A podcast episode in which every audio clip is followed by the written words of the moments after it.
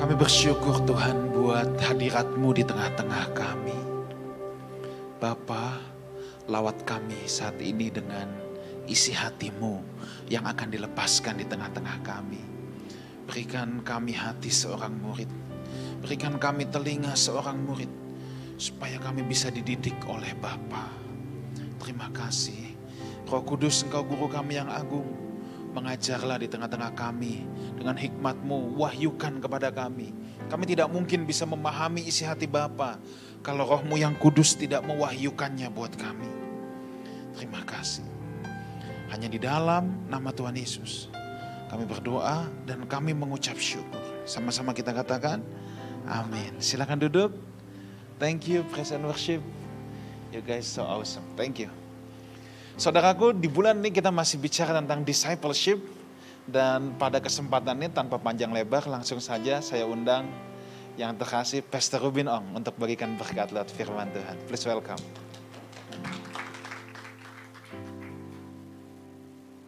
Ya, kenapa saya ditepuk tangani kayaknya? Uh, shalom Bapak Ibu, apa kabar? Baik ya, luar biasa. Ini first time buat saya untuk datang di onsite service hari ini untuk dua kali ibadah ya. Biasa beberapa kali dalam anugerah Tuhan saya datang sekali, jadi sekarang sudah dua kali ya.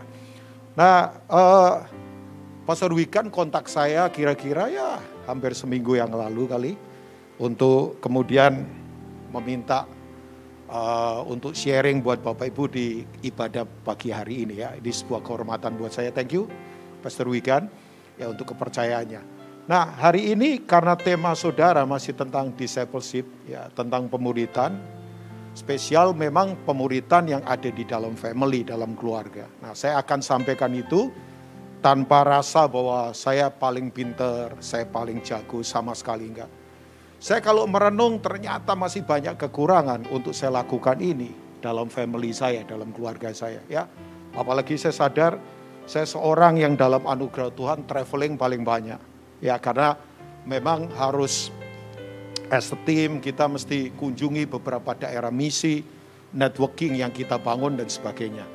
Tapi saya sangat berupaya sekali untuk membangun ini dalam kehidupan keluarga saya. Sebab buat saya begini, kalau ada tempat di mana karakter dan kuasa Allah paling real dinyatakan, itu ada di keluarga. Makanya kalau saya boleh katakan, gereja yang sesungguhnya ya keluarga.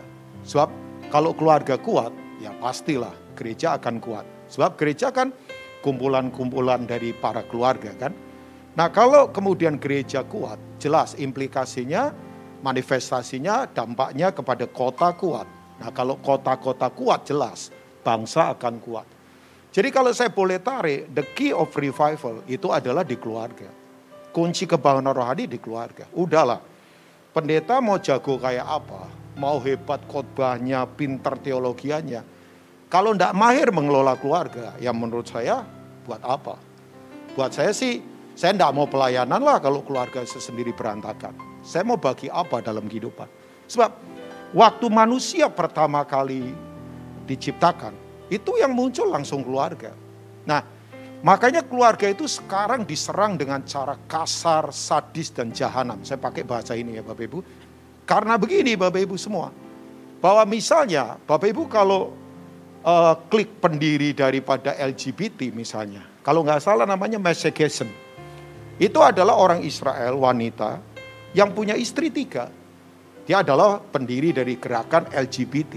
Ya, nah dia berkata begini, isu LGBT bukan soal isu HAM, ini adalah political issues. Ini sebetulnya isu politik. Sebab begini, kalau cuma soal HAM ya biasalah. Dia berkata begini, kami mau di dunia ini keluarga harus hilang. Jadi nggak ada keluarga. Coba bayangkan. Karena menurut mereka keluarga itu kaki tangannya Alkitab yang menghalangi kebebasan daging. Sebab orang kalau sudah berkeluarga, talking about family is talking about apa? Covenant kan, perjanjian. Makanya Efesus 5 berkata, hubungan ini sakral sebab itu menggambarkan Kristus dengan jemaat kan. Jadi dia berkata, kalau ada keluarga kita tidak bisa selingkuh, kita tidak bisa seenaknya, kita tidak bisa free sex, kita tidak bisa kontak ganti pasangan, bayangkan. Jadi mereka berharap keluarga dihapus saja dari dari bumi ini. Saudara bisa bayangkan kalau keluarga nggak ada lagi di bumi, waduh, kacau banget. Nah, makanya kalau Bapak Ibu membaca satu Timotius pasal 3, 14 sampai 15, Paulus berkata sama Timothy, dia berkata, kalau aku terlambat datang, kamu sudah harus tahu bagaimana cara hidup sebagai keluarga Allah. Jadi gereja pun harus kembali kepada pola keluarga. Makanya gereja kalau tidak lagi ke pola keluarga, ya birokrasi yang rumit. Di mana di situ udah banyak trik politik, kekuasaan lah. Saya tidak mau terseret ke sana, nggak mau banget, nggak mau lah. Ya, makanya kalau kita tidak kembali lagi, jadi manifestasi karakter kuasa Allah itu ada pada keluarga, ya kan? Makanya betul, orang mau melihat kekekalan, surga atau neraka, lihatlah keluarga. Ya, ada teman saya berkata begini, kalau kamu mau masuk surga atau neraka, lakukan satu hal. Yaitu terima Yesus atau tolak Yesus. Ya kan? Kalau tolak Yesus neraka jelas ujungnya kan. Kalau kita terima Yesus ujungnya kerajaan Allah. Tapi kalau di bumi ini hidupmu mau dekat sama neraka atau sama surga, nikahlah. Oh ya, saya merenung iya juga. Sebab kalau salah nikah, ya ampun itu belum neraka, sudah jadi neraka. Bahkan latihan untuk ke neraka. Itu kan paling nggak nyaman banget kan? Iya ya. Tapi saya kemudian waktu merenung ini, iya ya. Nah saya malah uh, pagi ini coba akan fokus pada kata pemuritan di keluarga. Definisi pemuritan, kalau saya renungkan, ya saya catat-catat definisi pemuritan itu apa sih sebetulnya? Memimpin tiap orang dalam sebuah discovery journey atau proses kehidupan yang secara holistik membawa orang itu mengalami karya Kristus supaya mereka bertumbuh ke arah keserupaan dengan Kristus. Ya, saya ulangi lagi ya. Bahwa definisi dari discipleship itu bukan teori, tapi memang keserupaan dengan Kristus. Katakan keserupaan Kristus Bapak Ibu. Nah itu, jadi pemuritan itu adalah sebuah proses perjalanan secara holistik di mana orang dibawa mengalami karya Kristus bertumbuh di sana supaya hidupnya serupa dengan Kristus. Nah, kalau fokus dari pemuritan adalah keserupaan dengan Kristus, maka ini enggak lagi bicara teori, tapi bicara praktek kehidupan. Ya, makanya saya kalau kalau ditanya orang, selama lu pelayanan, selama kamu pelayanan, yang sulit apa? Yang sulit apa? Ya, ya doakan orang sakit, gampang lah Ya nggak tahu dia mati atau hidup kan, yang penting doakan kan. Nah, doakan orang sakit bisa lah. Kemudian begini, tengkeng setan, oke okay lah. Kita semua para pelayan kan uh, ada di sana. Ya, kita punya pelayanan ada di situ. Kemudian khotbah, oke okay lah. Apalagi sudah punya pastor, ya Wigan seorang pastor Wigan seorang pengajar. Ya, kemudian ada beberapa pelayan di sini juga para pengajar. Oke. Okay. Tapi bagi saya yang paling sulit di pelayanan adalah ini dia saya melakukan yang saya khotbahkan dan saya mengkhotbahkan yang saya lakukan, terutama di keluarga. Ya, itu sulit banget tuh buat saya. Buat Luki nggak sulit kali. Sulit ya Luki ya? Pak, iya, jangan ada dusta lah di antara kita loh. Nah, bahwa bahwa saya melakukan yang saya khotbahkan dan saya khotbahkan yang saya lakukan itu tidak gampang Bapak Ibu. Khotbah ya oke okay lah. Kalau orang dipanggil untuk punya calling pembicara, ya dia akan punya karunia untuk ke sana.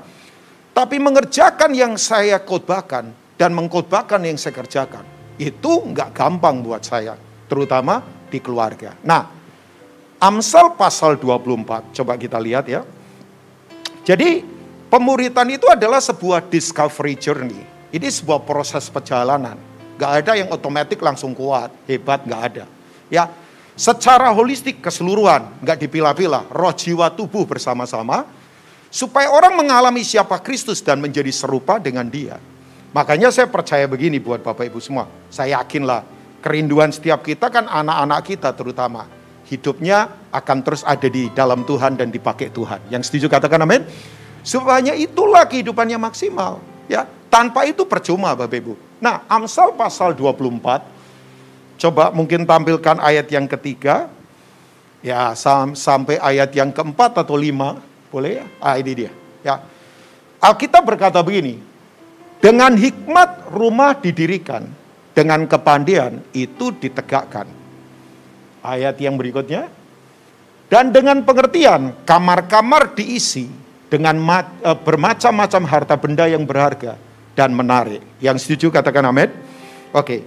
Nah, Bapak Ibu semua yang ada di ibadah ini, coba kata ayat yang ketiga kalau nggak salah tadi, ulangi lagi. Ya, uh, atau ayat yang keempat ya. Oh, kalau begitu saya ke ayat yang kelima. Saya mau kok nggak ada? Ayat ya, oh sorry, sorry. Coba ke Amsal 11 ayat 29. Nanti saya tetap fokus ke ayat Amsal 24 ini ya. Amsal 11 ayat 29. Ini ini uh, apa namanya? Penulis Amsal berkata begini, Nah, makanya Bapak Ibu tahu julukannya untuk Salomo. Salomo itu kan penulis yang hebat secara puisi, ya. Kitab Kidung Agung itu adalah kitab Kidung Agung itu disebut dengan itu tuh apa namanya uh, puisi seorang raja muda itu Kidung Agung. Makanya kalau Bapak Ibu baca Kidung Agung itu puisinya bagus-bagus luar biasa. Nah, kitab Amsal itu disebut dengan kematangan seorang raja. Dia matang sekali sebagai raja. Tapi tahu Bapak Ibu, kitab pengkhotbah adalah kebodohan seorang raja tua. Salomo juga. Jadi kitab Kidung Agung adalah puisi seorang raja muda. Kitab Amsal itu kematangan seorang raja, dia matang sebagai raja. Ya, makanya kalau Bapak Ibu baca kitab Amsal, isinya itu adalah nilai-nilai yang sangat matang. Tapi ternyata di kitab pengkhotbah itu dia disebut dengan kebodohan seorang raja tua. Sebab dia salah mengambil banyak keputusan. Makanya dia berkata kesimpulannya, semua yang di bawah matahari adalah apa Bapak Ibu? Sia-sia. Jadi yang tidak sia-sia di mana? Yang di atas matahari. Makanya semua yang di, di bawah matahari itu pasti akan berlalu. Langit dan bumi pasti lenyap. Hanya kerajaan Allah yang tinggal tetap. Amin Bapak Ibu. Nah, dia berkata ayat yang ke-29, ini dia. Siapa yang mengacaukan rumah tangganya akan menangkap angin Orang bodoh akan menjadi budak orang bijak. Bagian kedua saya tidak akan bahas. Bapak Ibu pasti tahu lah. Orang bodoh pasti akan menjadi budak orang bijak. Tapi ayat awalnya berkata begini, siapa yang mengacaukan rumah? Nah kata mengacau di situ, itu terjemahnya Ibrani keren. Pakai kata namanya akar. Jadi akar biasa kayak akar begini, akar gitu, root. Jadi kata akar itu artinya begini, seperti air yang tenang, kemudian tangan yang kotor masuk, mengobok-ngobok semuanya goncang, sampai airnya keruh dan kemudian jadi air yang bau. Nah kalau orang tidak hidup dalam pemuritan di keluarga, itu gambarannya seperti itu. Ini kematangan seorang raja ini kan tadi saya katakan Amsal ini matangnya Salomo. Tapi ternyata keputusannya salah. Makanya pengkhotbah itu adalah kebodohan raja tua. Dia bodoh mengambil keputusan. Ya, Nah dia berkata bahwa siapa yang mengacaukan rumah tangga itu akan menangkap angin. Nah, menangkap angin ini berkenaan dengan apa? In the future, tujuan kehidupan. Ya, artinya sia-sia. Kehidupan ke depan akan sia-sia, nggak ada artinya sama sekali. Jadi penting sekali. Nah, sekarang saya kembali lagi kepada pasal 24 tadi. Coba kita lihat. Saya akan coba uh, sampaikan beberapa hal untuk memuridkan keluarga Bapak Ibu ya.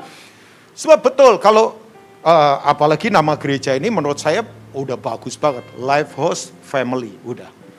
Udah Life Host Family lagi. Jadi artinya apa itu weekend? Udah Life Host Family lagi. Coba, ya udah, udah. Ya, uh, uh, apa sih? Rumah yang hidup, keluarga dari memang rum, keluarga dari rumah yang hidup ya. Wah itu keren sekali. Nah, memang betul, family itu penting banget Bapak Ibu. Saya harus katakan ini buat Bapak Ibu. Jangan hanya konsentrasi membangun iman kita, hanya dua jam. Sementara satu minggu ada 168 jam. Satu minggu itu 168 jam. Sementara kita cuma konsentrasi di dua jam, kemudian pertanyaannya, yang 166 jamnya ke mana? Makanya kalau kita tidak kuatkan itu, kita tidak akan kuat Bapak Ibu. Ya, Nah, saya ingin mengajak kita coba. Ada beberapa step yang harus kita uh, pikirkan, kita renungkan. Saya lemparkan ini, saya juga lagi terus belajar, percayalah.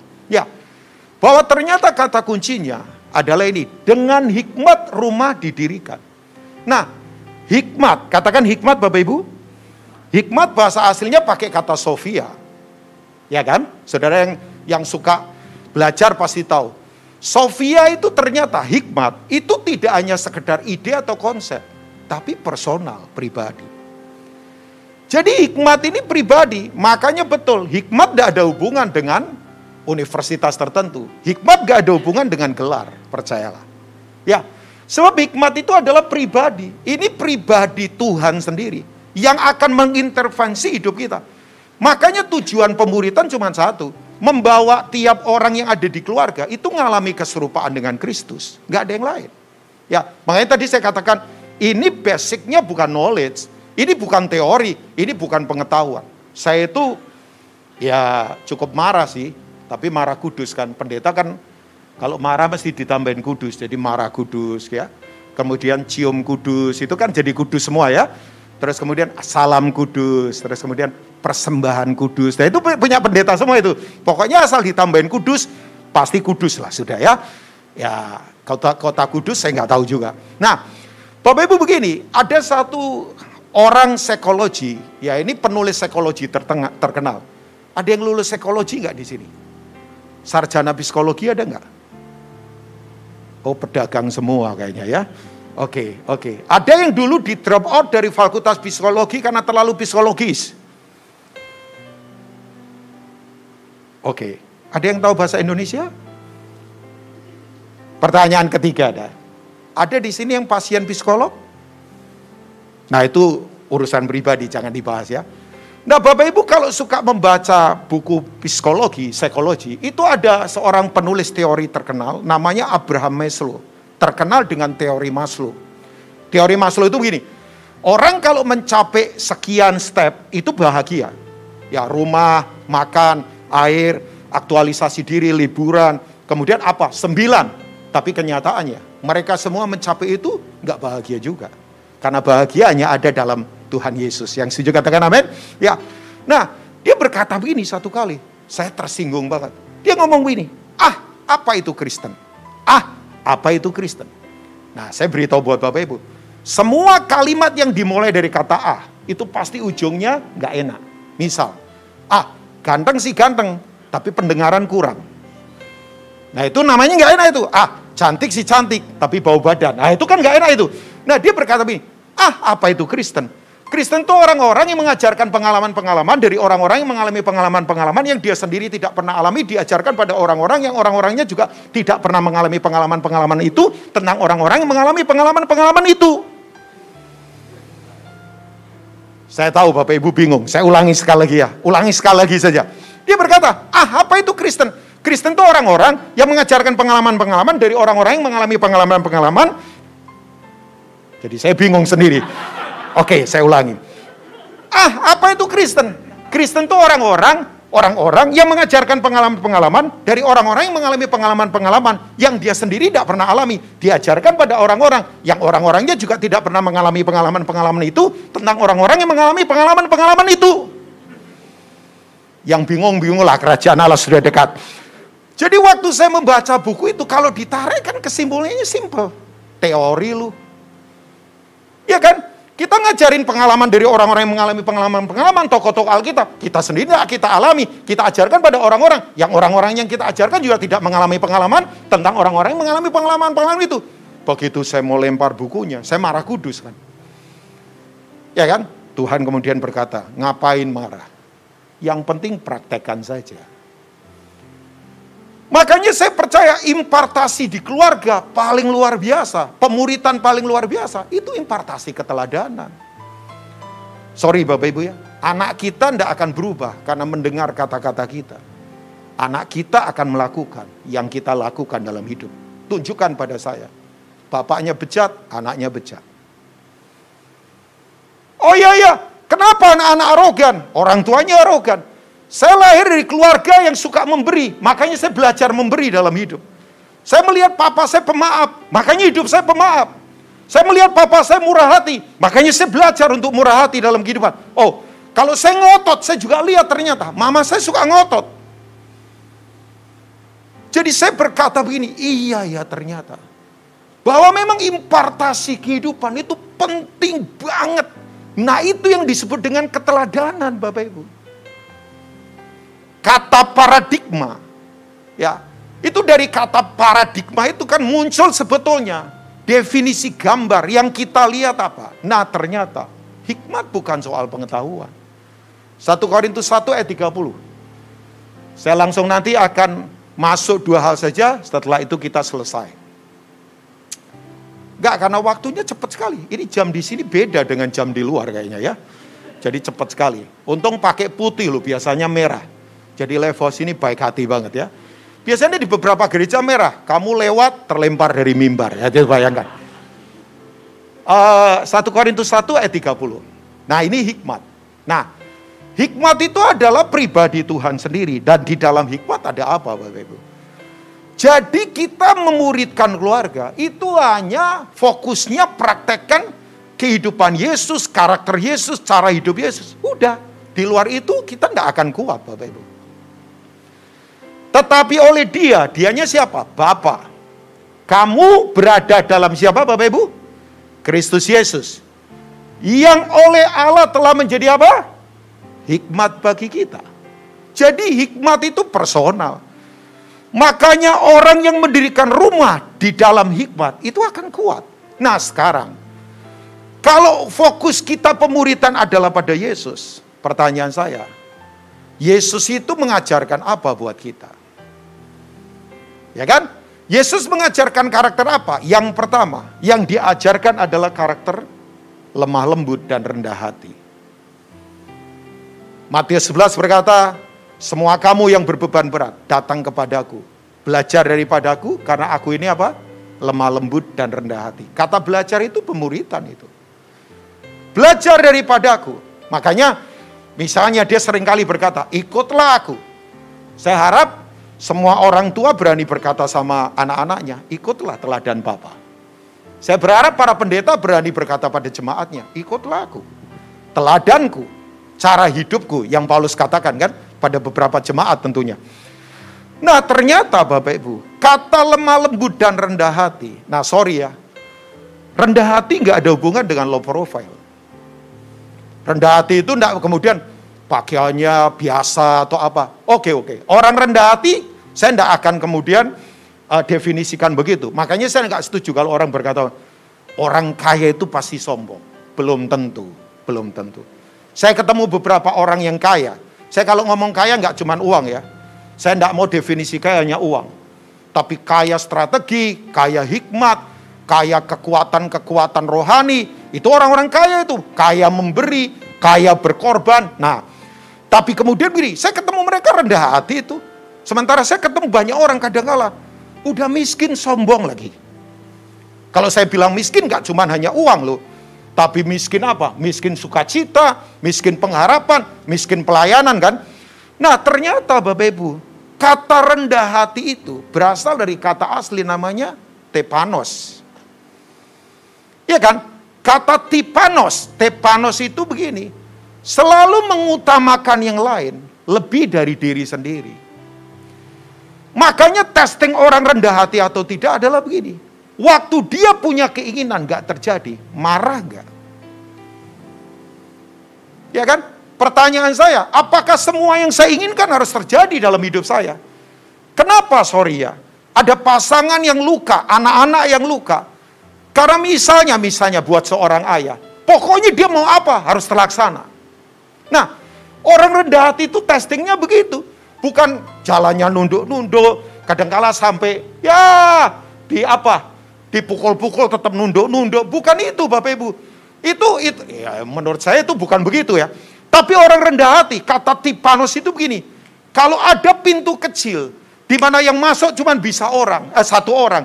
Dia akan kemudian begini, utamakan yang lain untuk masuk dulu. Dia belakangan. Nah itu orang rendah hati. Makanya kalau di keluarga Bapak Ibu, impartasi ini ada pada kita. Berbeda keluarga kita. Ya, karena begini, kerendahan hati itu luar biasa. Ya, sebab selalu begini, mengutamakan pasangan, mengutamakan orang lain lebih dari dirinya sendiri. Nah, itu yang disebut dengan sekali lagi kata tipanos itu, itu kerendahan hati. Jadi hikmat dari Yesus adalah dia rendah hati Bapak Ibu. Makanya tahu Bapak Ibu, Orang yang mengutamakan orang lain, itu definisinya kan orang yang bisa melayani orang-orang sekitarnya. Sorry ya, orang kalau tidak punya hati seperti ini, susah melayani. Ya, susah melayani sudah. Nanti kalau melayani hanya formalitas saja, hanya karena memang tugas. Hopefully di sini tidak begitu. Makanya betul, yuk di keluarga salinglah melayani. Orang tua layani anak-anak, anak-anak layani orang tua, istri layani suami, suami layani istri. Makanya kalau kita memandang dengan sudut pandang begini, keluarga akan berbeda. Yang percaya katakan amin. Kenapa keluarga nggak kuat? Karena nggak ada ini.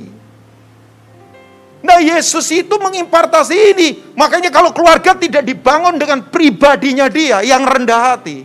Ya kita tidak akan kuat sekali lagi. Nah lemah lembut apa? Lemah lembut itu beda dengan lemah gemulai. Ya jangan lemah gemulai. Apalagi pria lemah gemulai perlu ditengking dia. Sebab berarti ada roh lain di dalam dirinya. Enggak. Lemah gemulai itu begini. Berasal dari kata Yunani saya nggak sok-sokan bahasa asli ya, belajar saja supaya saya tahu Bapak Ibu. Berasal dari kata namanya praos. Tahu Bapak Ibu praos? Praos itu begini.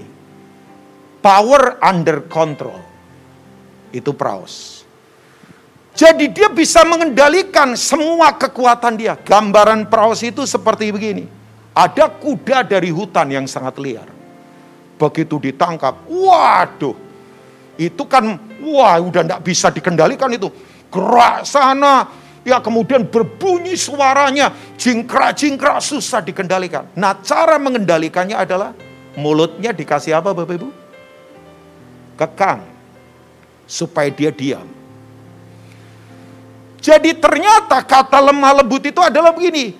Tuhan kendalikan kita untuk kita itu bisa begini. Bisa tenang dalam kehidupan. Ya, Makanya kalau orang kemudian lemah lembut Bapak Ibu, dia kata kata kata lain dari lemah lembut begini, rela mundur ke belakang supaya orang di sekitarnya bisa maju ke depan melebihi dia. Nah karakter ini kalau ada pada kita Bapak Ibu di keluarga, memang berbeda Bapak Ibu. Ya, saya cuma punya pertanyaan ini, silakan. Kalau kita punya teori hebat-hebat, kita punya apa kemudian? pengetahuan jago-jago. Tapi kalau ini tidak kita praktekkan, kita tidak akan membangun keluarga yang kuat. Sebab keluarga dibangun harus dengan hikmat Tuhan. Hikmat itu pribadi. Nah pribadi Yesus itu adalah lemah lembut dan apa Bapak Ibu? Rendah hati. Ya, saya ketemu satu keluarga. Keluarga ini sederhana Bapak Ibu. Sederhana sekali. Tapi saya belajar dari keluarga ini tentang apa itu kelemah lembutan dan rendah hati. Bayangkan, sekian tahun kemudian, Tuhan percayakan keluarga ini. Kalau menurut saya bisnisnya luar biasa. Nggak ada di Jawa, tapi di luar Jawa. Dia sekarang punya supermarket kira-kira 15 tempat. Penghasilan sehari kotor, hampir kira-kira. Mungkin di atas 10 miliar. Kotor Bapak Ibu. Omset ini kotor. Untuk daerah itu dia pembayar pajak nomor lima terbesar. Ya, kemudian apa yang dia sentuh? Event sampah jadi emas. Sementara sorry ya, ada banyak orang punya emas, hidupnya jadi sampah. Tapi dia sentuh event itu sampah jadi emas. Dia punya tim pak. Terakhir ini dia berkata, saya mau mengembangkan ke Jawa Pak Rubin. Tapi Bapak Ibu tahu, kalau saya lihat keluarga ini, simpelnya luar biasa. Tahu Bapak Ibu, sekarang ini dia memberkati pendeta-pendeta pedalaman. Sudah di angka 550 orang every month. Per orang dia kasih hampir satu juta. Dia bilang sama saya, dia dekat sama saya. Dia berkata begini, sebelum saya mati, saya sudah ngomong sama anak-anak saya. Saya akan mengunci satu dana nanti, nggak bisa diambil oleh siapa pun. Itu dia punya target, di atas seribu pendeta Pastor. Akan dia berkati karena dia berkata, saya tidak mau pendeta-pendeta pedalaman, susah. Bapak Ibu tahu, itu baru satu pelayanan. Pelayanan berikutnya begini. Diajak liburan pendeta-pendeta yang belum pernah naik pesawat ke Bali. Itu minimal setahun dua kali. Jumlahnya 100 orang. Naik pesawat Garuda. Hotel bintang kelas bintang 4, bintang 5. Turun di bandara tiap orang dikasih uang saku 3-4 juta. Gak ada kebaktian. Dia tidak cari mimbar Pokoknya seneng-seneng saja. Karena dia berkata begini, saya mau pendeta paling enggak empat malam itu tertawa. Walaupun nanti pulang lagi mereka menangis lagi. Paling enggak empat malam mereka bisa tertawa bahagia. Ya efeknya luar biasa. Tapi ada efek yang lain, beberapa hamil akhirnya. Karena suami istri kan. Belum pernah liburan ke Bali. Bapak Ibu tertawa yang sudah biasa ke sana. Ini pendeta pedalaman yang tidak pernah naik pesawat. Tidak pernah ada di hotel bagus. Sampai buka keran air saja kadang kaget-kaget. Baju belum dicopot, keran air sudah nyala. Mereka kepanasan kayak dilawat Tuhan begitu loh. Kan. Saya pernah ngantar mereka. Ya jalan di Kuta, mata ditutup. Karena lihat beberapa orang pakai bikini mereka saya tanya, Pak jangan ditutup matanya. Tapi kan ini kenajisan Pak Rubin. Udahlah, jangan ditutup. Nanti nabrak mobil lebih parah lagi Bapak ya. Sebab najis atau enggak kan bukan soal di mata, tapi soal di sini. Nah saya duduk sama dia. Saya lihat anak-anaknya. Hari ini anaknya penyumbang di sebuah acara misi, uh, yayasan misi. Rutin dan jumlahnya. Saya kaget, saya geleng-geleng kepala. Saya berkata begini, keluarga ini memang tahu apa itu mengutamakan yang lain daripada diri sendiri? Kemudian saya sadar, oh iya ya, pemuritan paling luar biasa. Itu impartasi hidup. Enggak, enggak ada yang lain. Di luar ini, kita tidak akan kuat. Saya tutup dengan yang ketiga. Eh, yang kedua maaf ya. Yang pertama hikmat itu adalah apa? Lemah lembut dan apa Bapak Ibu? Rendah hati. Sudah mau hidup dalam hikmat Tuhan? Oh iya. Kalau ini tidak ada pada kita, keluarga kita tidak akan kuat. Tapi yang kedua, saya suka kata pengertian. Coba kembali ke Amsal pasal yang ke-24. Ayat yang ke 3 atau 4 tadi ya. Yang main keyboard boleh maju ke depan. Keyboard saja ya, yang drum enggak. Nanti bikin bising lagi ya. Jadi yang main keyboard. Pelan-pelan mainkan ya. Ya, lagu Korea boleh juga. Uh, saya akan selesai ya 3-4 menit dari sekarang. Loh, saya punya pertanyaan, saudara mau punya keluarga yang kuat hari-hari ini? Loh, saudara mau punya keluarga yang kuat hari-hari ini? Kalau keluarga nggak kuat, ngeri pak, pertempurannya ngeri sekarang ini. Coba bayangkan, sejak era kebebasan Amerika tahun 70-an, angka perceraian makin tinggi. Angka orang aborsi gila-gilaan Orang sekarang menikah berdasarkan begini, social justice saja. Banyak orang berkata, yang penting cinta saja. Sejenis gak apa-apa, yang penting cinta saja. Keluarga lagi diserang dengan cara sadis sekarang ini. Makanya gereja adalah pilar kekuatan. Untuk kita muridkan keluarga dengan cara yang benar. Yang percaya katakan amin. Saya bernubuat sungguh-sungguh. Anak-anak bapak ibu akan dipakai Tuhan dengan cara yang luar biasa untuk kemuliaan nama Tuhan. Amin bapak ibu.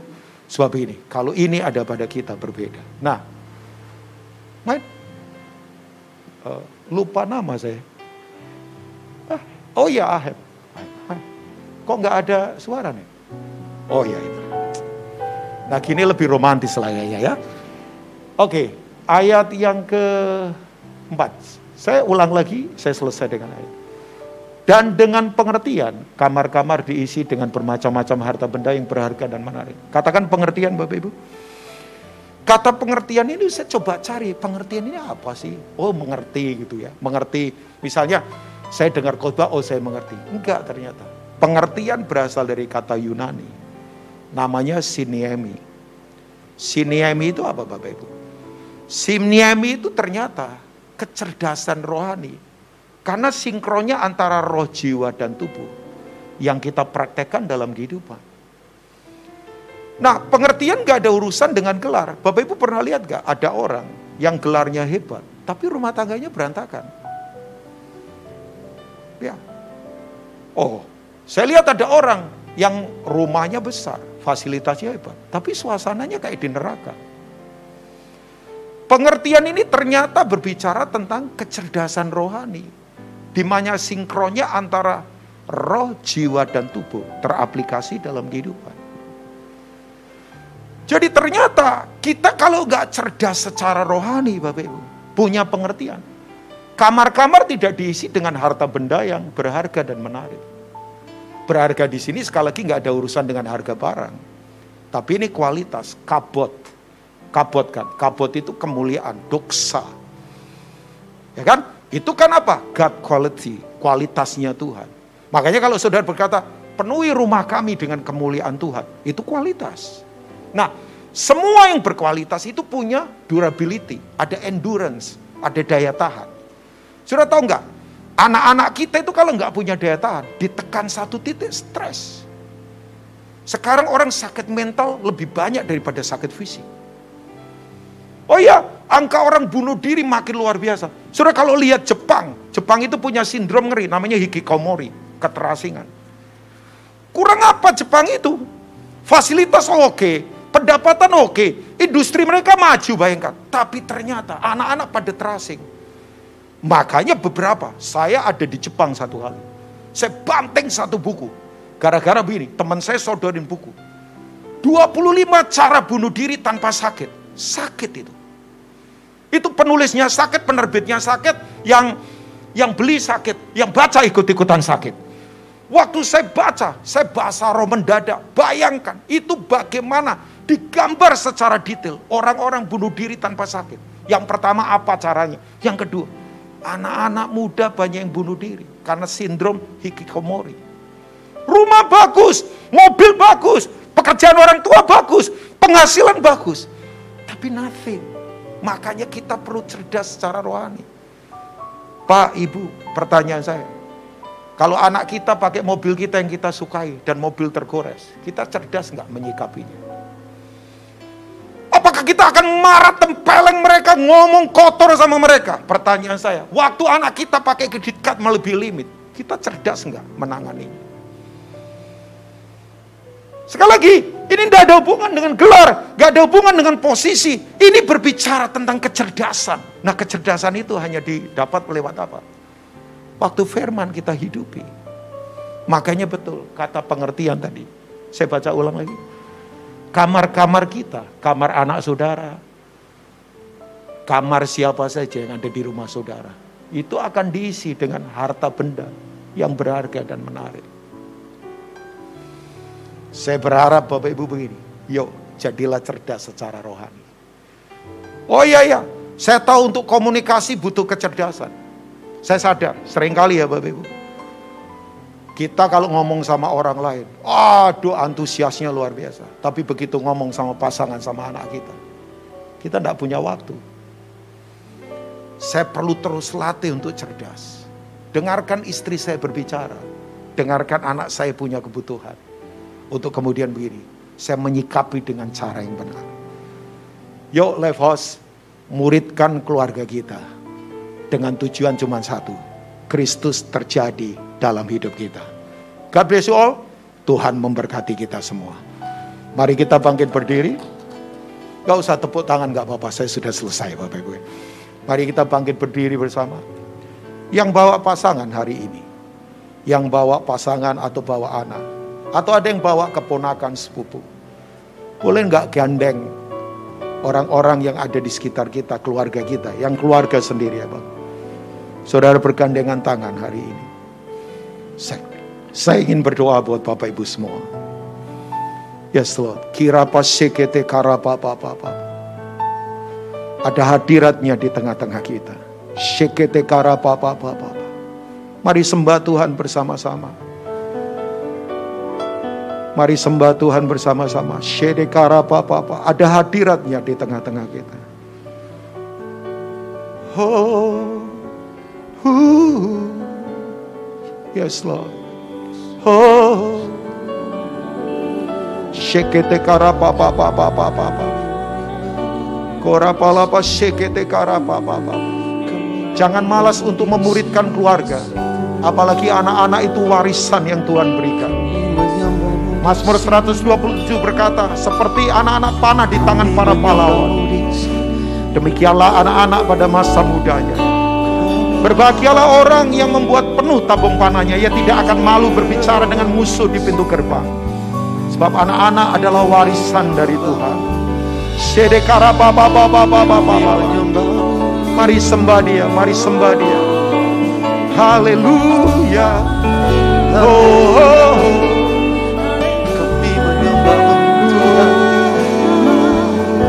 oh. ambil waktu sembah diri menyembahmu. Yang di rumah juga, di mana pun saudara sekarang sedang mengikuti live streaming ini.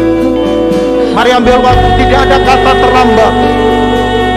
Haleluya.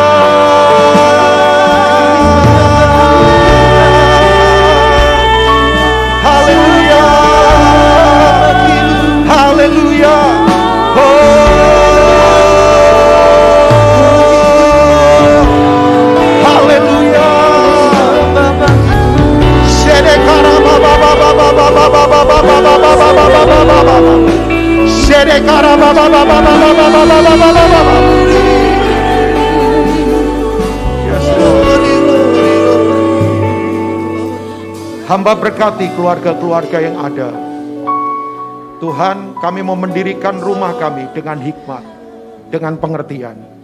Kami tidak akan mengacaukan rumah tangga. Sebab itu artinya kami akan menuai angin. Masa depan yang kosong tidak ada artinya. Terima kasih Tuhan. Apa yang kau sudah sampaikan menyembuhkan kami. Hari ini kalau ada luka-luka, Tuhan sembuhkan.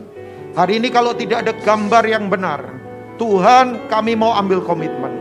Supaya pasangan kami, anak-anak kami bisa melihat gambar Kristus. Seakan-akan kami berbicara kepada mereka seperti Tuhan berbicara kepada mereka. Dan mereka melihat Tuhan dalam hidup kami. Terima kasih Tuhan yang letih hari ini dikuatkan untuk kami tetap bangkit. Kami ambil sebuah keputusan untuk kami tetap memfokuskan membangun keluarga yang kuat. Terima kasih hadiratmu meneguhkan kami. Firmanmu menjadi a guidance of life dalam hidup kami. Demi nama Tuhan Yesus, haleluya. Mari katakan. Silakan duduk. Bapak.